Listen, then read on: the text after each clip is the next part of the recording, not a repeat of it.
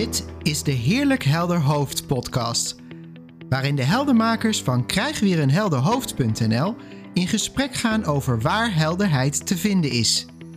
Zij verdiepte zich in de drie principes die beschrijven hoe de menselijke ervaring gecreëerd wordt. Of je nu te maken hebt met stress, angst, depressie, verslaving, relatiestrubbelingen, burn-out of welk ander probleem dan ook, ontspanning en meer gemak in je leven zijn ook voor jou bereikbaar. Dit is makkelijker dan je denkt. Inzicht helpt je om weer een heerlijk helder hoofd te krijgen. Leun ontspannen achterover en veel luisterplezier.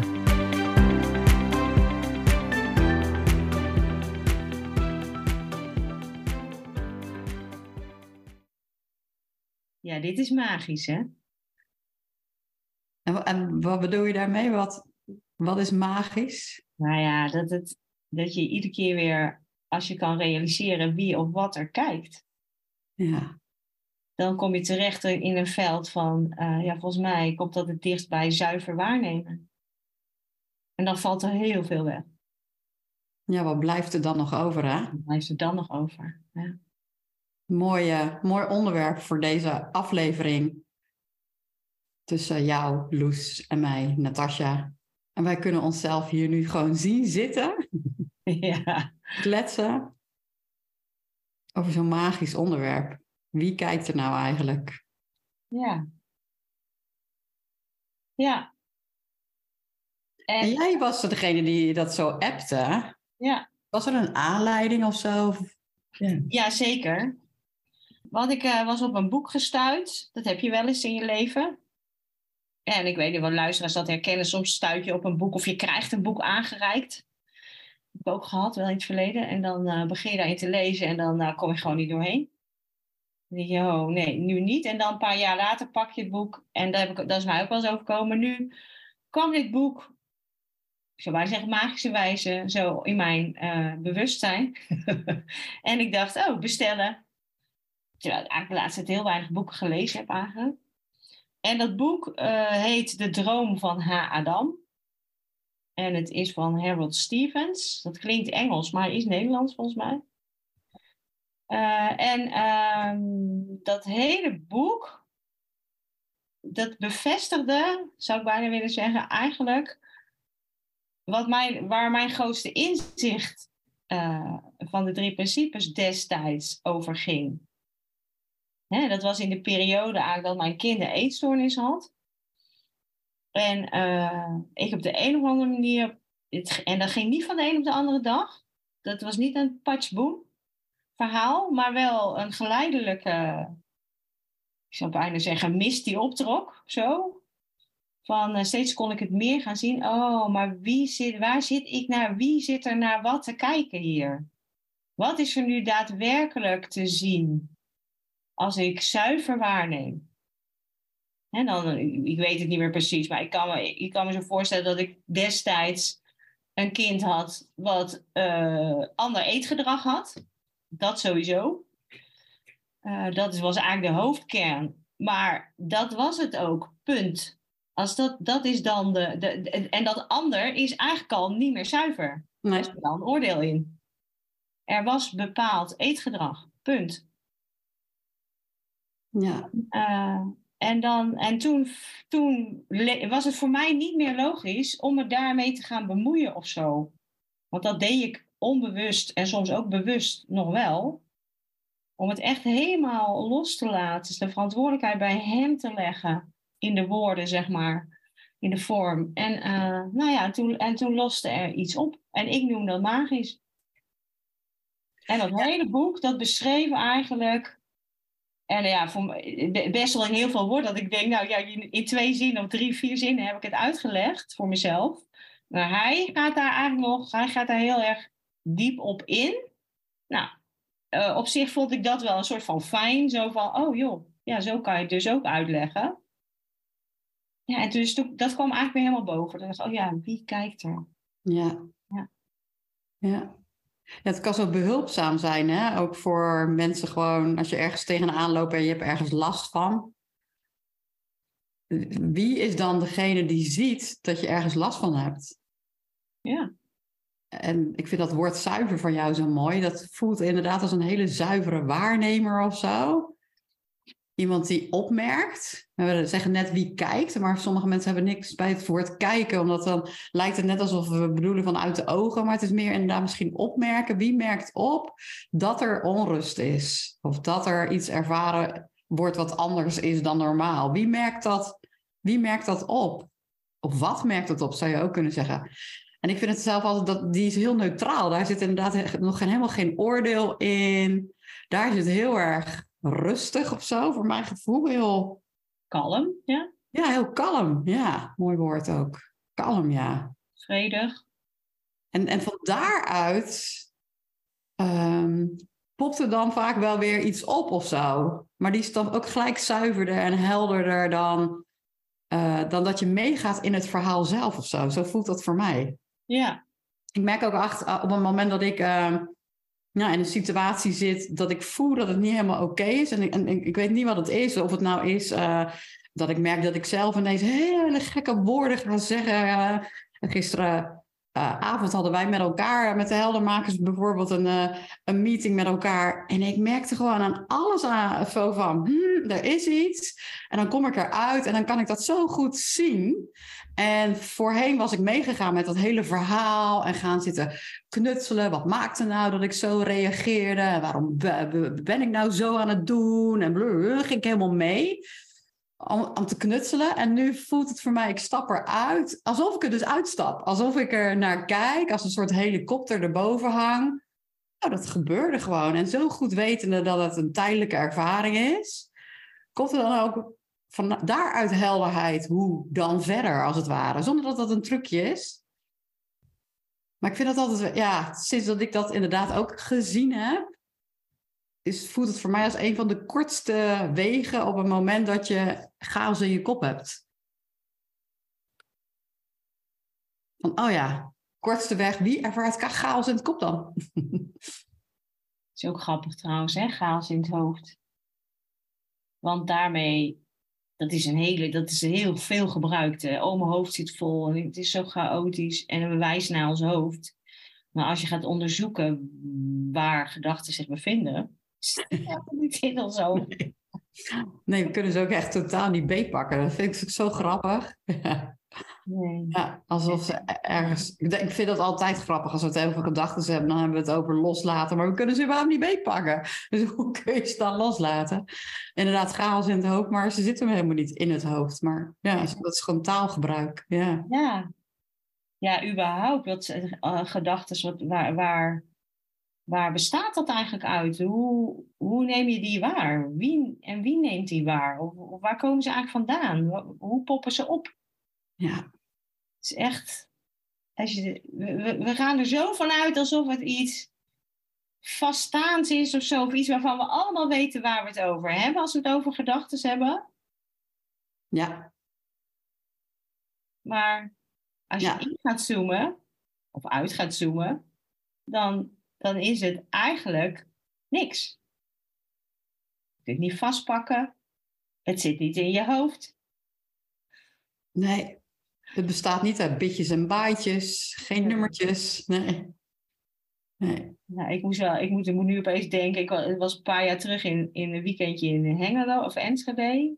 Nou, maakt niet uit, een van die twee. en daar liep ik in de buurt te wandelen en er was een huis en die had zeg maar, de deurpost was een, die was rond of ovaal eigenlijk. En daar stond een, in allemaal van die tegeltjes stonden letters, stond een spreuk in. Dat was: Het hoofd is rond, op dat gedachten van richting kunnen veranderen. Ja, die vond ik, ik vind hem super grappig natuurlijk, hè? Ja. Ja, zo van ja, inderdaad. Dan botsen ze, je ziet het zo voor je, al die gedachten die als ze in je hoofd zouden zitten, die willen eruit, maar die botsen overal tegenaan. En dan gaan ze weer helemaal rechts, links de andere kant op. Zo'n beeld krijg ik dan voor me. Ja, ja ook dat is natuurlijk eigenlijk alweer niet waar. Maar het is wel grappig. Ik vond het wel grappig gevonden. Gewoon, ja. gewoon vereeuwigd in je huis. Iedere keer als je naar binnen loopt, dan zie je die spreuk. Ik vond het wel grappig. Ja, is ook leuk. Ja. En... Uh wie ervaart dan die spreuken? Dat is ja. zo grappig. En dan denk, nemen we zo aan dat dat ja, wij als persoontje, unit, lijf, lichaam zijn. Sommige mensen zullen het misschien eerder ziel noemen of zo. Maar ook weer, wie ziet er dan dat dat het is? Ik, ik, dat, die stap die willen wij denk ik maken in deze aflevering. En voor een luisteraar die dat nog niet ziet, wie ziet het dan nog niet? Wie ziet dat het nog niet gezien wordt? Dat is, weet je, het is zo kort. Het is echt gewoon een hele korte stap. Ja. Ja, misschien voor mensen, tenminste, dat komt nu bij me op voor. Ik heb, ik heb in het verleden ook wel gemediteerd. En toen voelde het soms, toen kon ik soms, was het voor mij de manier om waar te nemen, om een soort waarnemer te worden van mijn eigen denken. Of van, van mijn eigen denken. Denken is helemaal niet van mij, weet ik nu, maar dat dacht ik toen nog wel. Uh, van denken, waarnemer van denken. Dus dan kom je eigenlijk in die helikopterview. Ja. Je naar je gedachten kijken. Je deed er niks mee. Je hoeft er niks mee. Hè? Dat wordt dan vaak in meditaties. Laat ze maar gaan. Zet ze op een wolk. Uh, kan natuurlijk allemaal niet, maar metaforisch. Nou, best leuk bedacht. En dan, uh, dan gaan, laat je ze voorbij gaan. Je geeft er eigenlijk geen betekenis aan. Je wordt een soort neutrale toeschouwer. Ja. En dan bracht dat, bracht dat rust in mijn systeem. Ja, zeker. Ja. Ja, maar ik, ik, moet eerlijk bekennen dat ik, dat, niet als een meditatie, maar ik noem het soms een incheck momentje. Hè? Ik geef trainingen en ik weet gewoon dat de beste trainingen worden gegeven vanuit um, een staat van echt van zijn in het nu. En niet bezig zijn met hoe die training eruit zou moeten zien in de toekomst, wat het resultaat zou moeten zijn. Of ook niet gaan lopen vergelijken met een training die ik eerder heb gegeven. Nee, gewoon echt in het nu zijn. En dan merk ik wel eens dat ik het, ja, misschien als een soort trucje gebruik, maar ik stap een ruimte in en ik ga echt even zijn. Ik stap het is een incheckmomentje, even gewoon zijn. En even een paar zintuigen aanzetten van oké, ik voel dat ik hier zo sta, ik zie de ruimte, ik hoor de ruimte.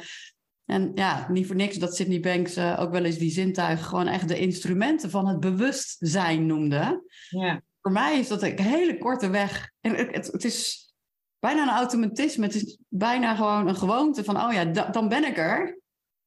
En, uh, en, en dan zie ik dus een Natasja als het ware staan. Dus dan, dan, dan zie ik gewoon, nou, er staat nu gewoon een poppetje die staat hier gewoon in interactie te zijn. Ja. Zoals ik dat nu trouwens ook kan ervaren. Gewoon zo van, oh ja, ik zit nu met jou hier te kletsen en ik kan echt gewoon dat gewoon zien. Ik voel me hier gewoon in deze ruimte zitten waar ik zit en ik zie als het ware een Natasja zitten. En dat voelt altijd heel meer in het nu of zo. Hmm. Aanwezig. Ja. ja. Want dat is denk ik wel een uh, van de mooie uh, bijwerkingen, denk ik. Of resultaten van meditatie destijds. In ieder geval zat ik wel veel meer aanwezig. Dat het me veel meer lukte om aanwezig te zijn in het moment. Zonder al, al dat denken wat me weghaalde eigenlijk uit het moment. Waarom dan ook, dat hoef je ook niet te weten.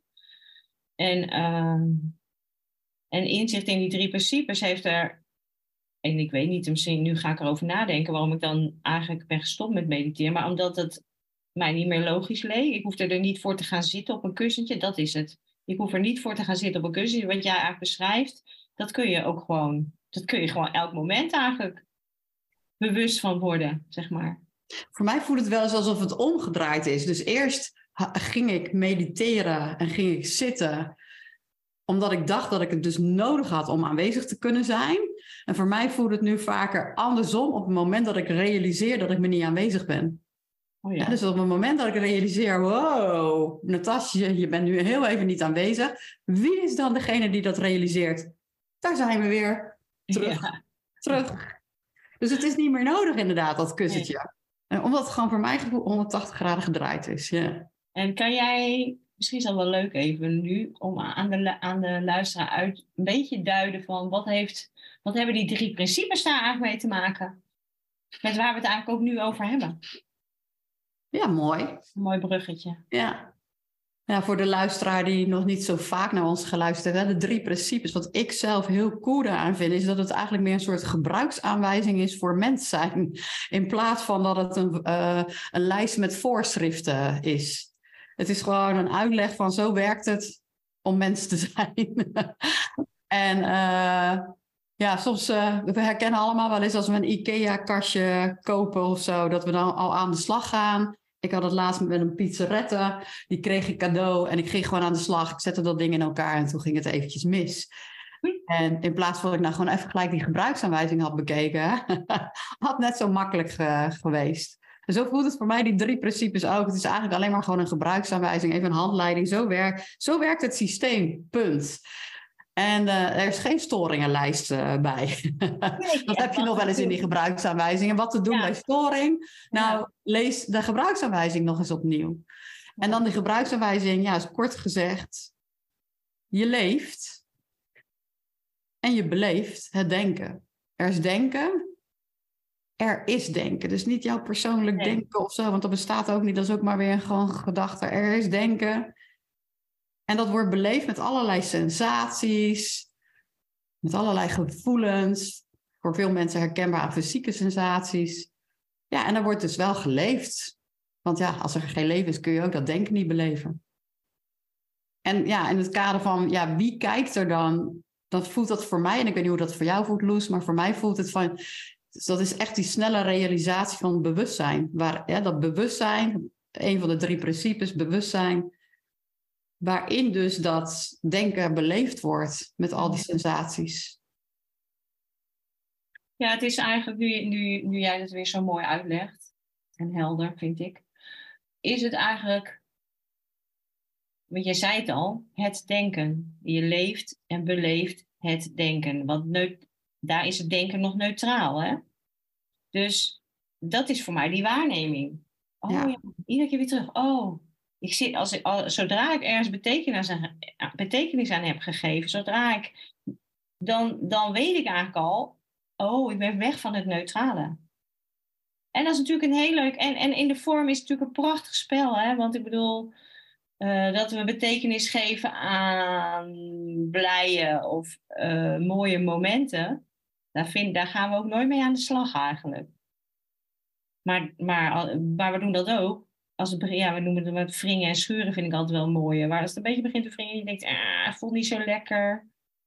Uh, ja, dan, als je, als je dan hè, dit, dit besef hebt, dus eigenlijk als er storing komt, want dat noemen we eigenlijk storingen. Dus het is wel mooi dat je die gebruiksaanwijzing komt ook meteen, kunnen we wel mooi even doorpakken, denk ik. Want jij zei al zo mooi, er zit, het is gewoon een hele simpele gebruiksaanwijzing, verwijzing eigenlijk, naar hoe de menselijke ervaring werkt. Ja. En er zit geen storingslijst bij, wat te doen bij. Nee, niet, kijk nog even hoe het werkt. Ja. Kijk nog even hoe het werkt en dan kom je weer, oh ja, het is eigenlijk neutraal en blijkbaar is er ergens betekenis gegeven aan iets. Ja. En, en als je dat, als je dat steeds meer gaat doorzien, en dan kom ik toch weer even terug bij best wel een, een, een belangrijk moment in mijn leven, dat ik dat doorzag bij de eetproblematiek van mijn kind. En dan zeg ik ook weer, ja, en dan gaan we alweer waar, waar ik dat doorzag. Maar we kunnen het moeilijk anders uitleggen. Maar voor de luisteraar die al wat langer luistert, die weet wel dat dat is eigenlijk ook niet persoonlijk. Want er gebeurt wat er gebeurt.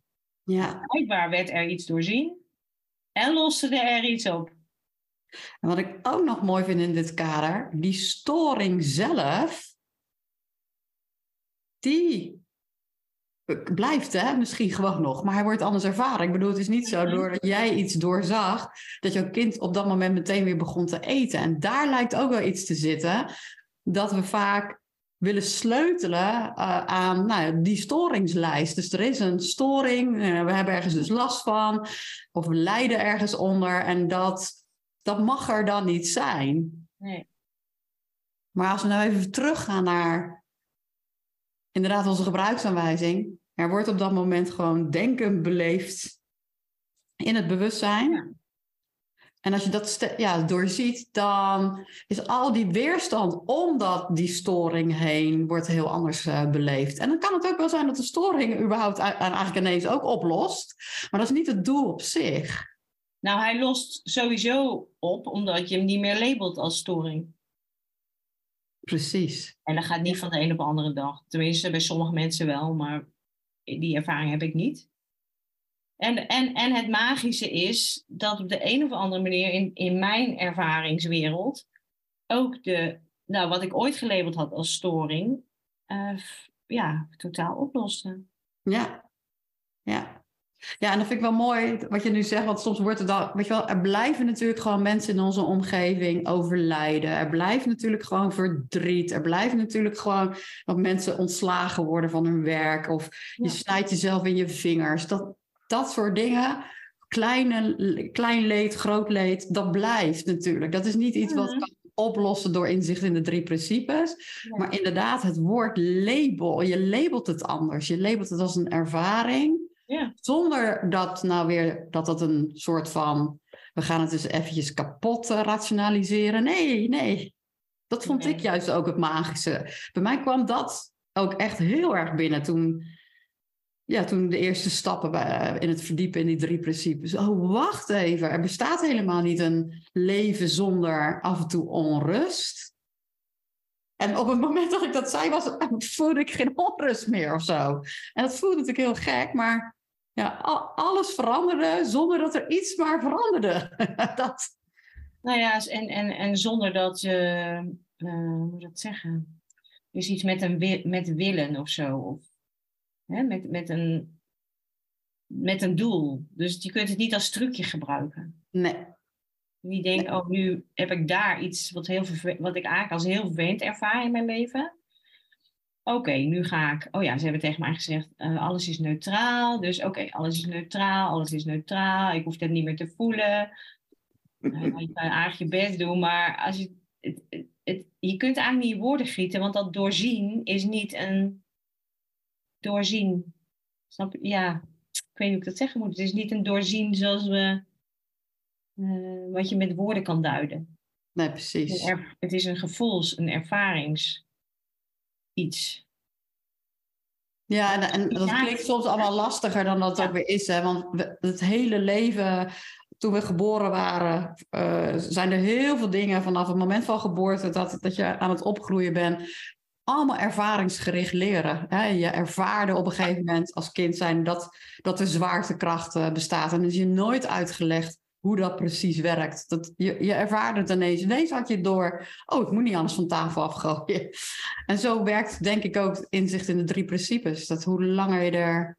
Ja, bij de ene heeft er wat langer voor nodig dan de ander, ervaar ik ook wel. Maar ook uh, hoe meer je er een beetje over praat, is het gewoon een kwestie van herinneren of zo. Ja, precies. Ja.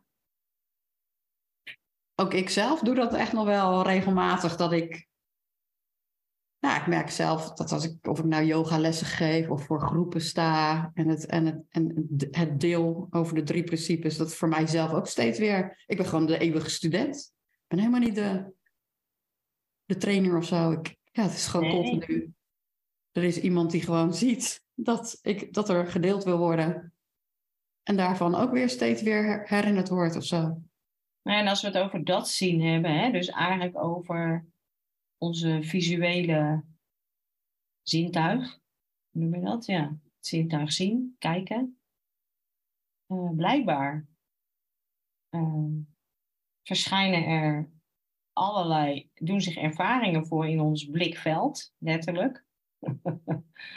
en uh, ja, en, en, en dat, dat, dat lijkt altijd een soort, ja, ik wil niet zeggen dat elke ervaring leerschool is, maar er is altijd nog meer te zien of zo. Ja. En, en ja, misschien gaat dat te ver hoor, maar ik heb wel eens een stukje gelezen over hoe onze ogen eigenlijk werken, ons kijkzintuig eigenlijk werkt. En dan blijkt dat we eigenlijk tegen een soort spiegel aan zitten. Dat, dat het een soort er wordt iets in die hersenen, schijnt er iets gedaan te worden en dan kijken we eigenlijk tegen een spiegel aan.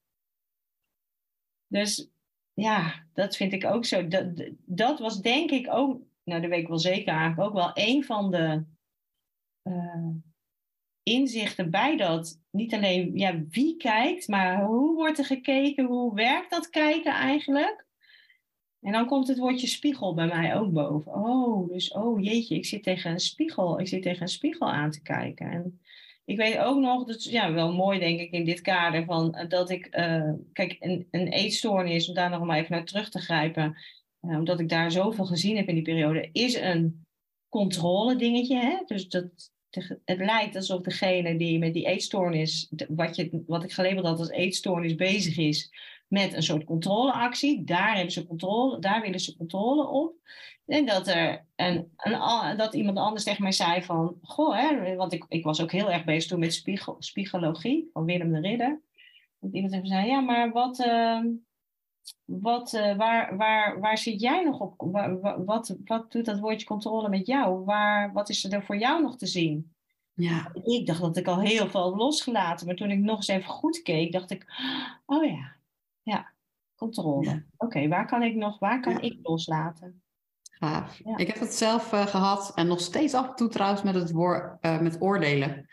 Ik heb toevallig een aantal mensen om me heen die echt bizar oordelen. Echt de hele dag door. Ik was laatst een weekendje weg.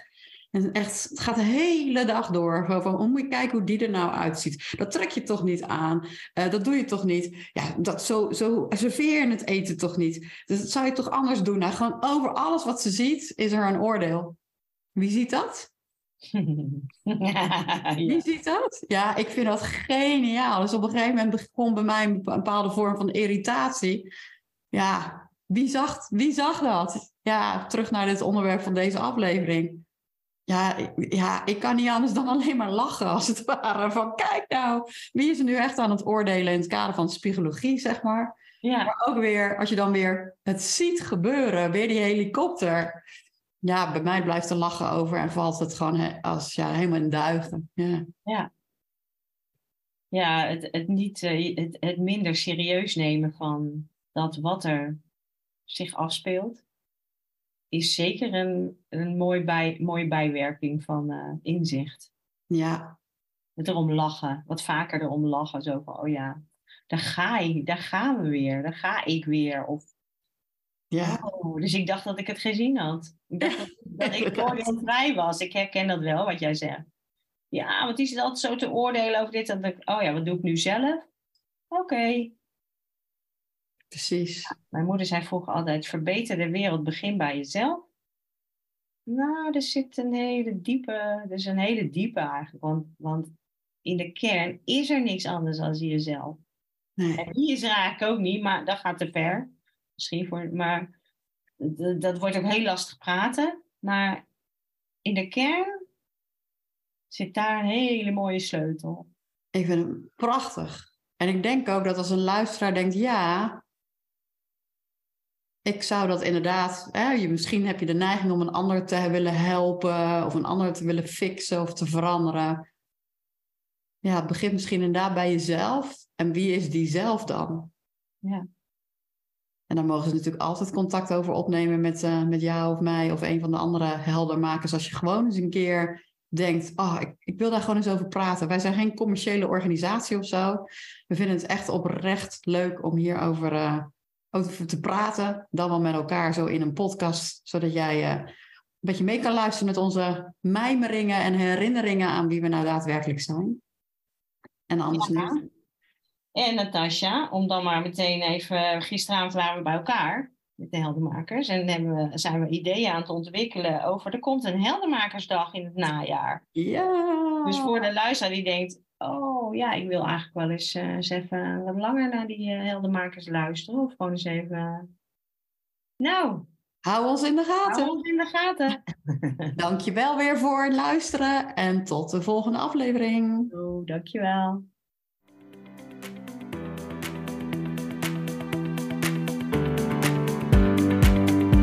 Wat fijn dat je luisterde naar deze aflevering.